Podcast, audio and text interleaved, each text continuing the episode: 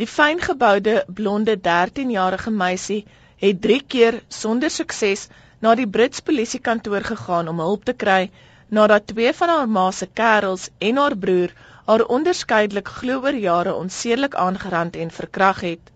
Sy het aan die polisievrou aan diens vertel hoe haar ma die mans aangemoedig het om haar intiem te soen en vir haar liefdesbytmerke te gee. Sy het vertel hoe haar ma gedink het die semikaal foto's wat hulle van haar geneem het is goed en mooi. Twee keer het die polisievrou 'n nota gemaak en die derde keer haar nommer vir die tienermeisie gegee.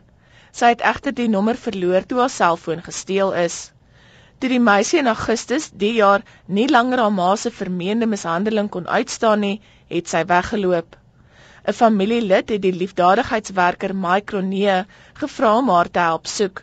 Kronee ken die familie reeds etlike jare omdat hulle deel is van die program waar hy liefdadigheidswerk doen. Ek het die boetie en die dogtertjie en die ma daar ontmoet en ek het baie betrokke geraak met hulle omdat ons se kerspartytjies se goed hou ook en uh, die dogtertjie het my baie opgeval want sy was 'n baie gehoorsame kind en jy kan sien sy het baie potensiaal om iets verder te gaan in die lewe. Die meisie het opgeëindig in 'n woonstel in Pretoria waar sy vir 2 dae in die woonstel toegesluit is saam met een van die mans wat haar glo vroeër onsedelik aangerand het. Die man het 'n kriminele rekord van onsedelike aanranding, aanranding en die besit van dwelms. Kronee het die meisie op Vrouedag in die woonstel gekry nadat hy die slot moes oopbreek. Die man wat saam met die meisie in die woonstel was, is in hegtenis geneem vir ontvoering en die besit van kinderpornografie. Hy verskyn aan die einde van die maand in die hof. Die meisie is na 'n plek van veiligheid geneem. Terwyl Kronee na haar gesoek het, het hy met verskeie mense oor die man gepraat. Die verdagte het ek uh, met sy familie in aanraking gekom en so aan.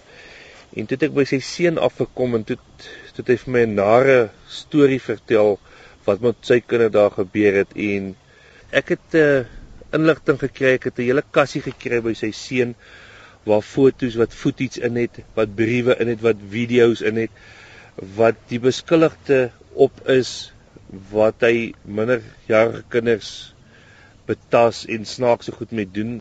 Gewapen met die verklaringe van die meisie, ooggetuies en die pornografiese foto's is Kronee na die Brits polisiekantoor. Dan gaan ek as ek hoor hierso met die goed moet ek dit wie vir wie moet ek dit gee? En die kaptein het vir my reg gesê ek wil dit nie vat nie want dit gaan weg raak ek sit op hierdie stadium nog steeds met dit. Ek weet nie vir wie om dit te gee nie, want gee ek dit vir iemand en raak weg as hy ou môre vry en dan gaan hy weer kinders dan gaan begin die ding weer van voor af. Kronee sê een van die mans wat die meisie glo onsedelik aangerand het en haar broer wat haar glo verkrag het en haar ma wat na bewering van die aanranding geweet het en dit goed gepraat het, is nog op vrye voet. Die meisie is intussen geskuif na 'n plek van veiligheid nader aan haar ma omdat haar ma glo wil terug hê. Die kind het egter in 'n verklaring gesê sy pleeg eerder selfmoord as om weer by haar ma te bly. Die provinsiale polisie woordvoerder Tulani Ngubane sê hulle is steeds besig om die saak te ondersoek. Hy sê hulle is bewus Kronie het inligting wat hulle kan gebruik en het hom reeds verskeie kere gevra om dit te oorhandig. If he does not give the information tomorrow, we apply in a court of law and ensure that he then is compelled by the processes of the law to come forward and give this information to the court. Kronie sê hy sal die inligting vandag aan die polisie gee sodra hy afskrifte van alles gemaak het. Ek is Lela Magnus in Pretoria.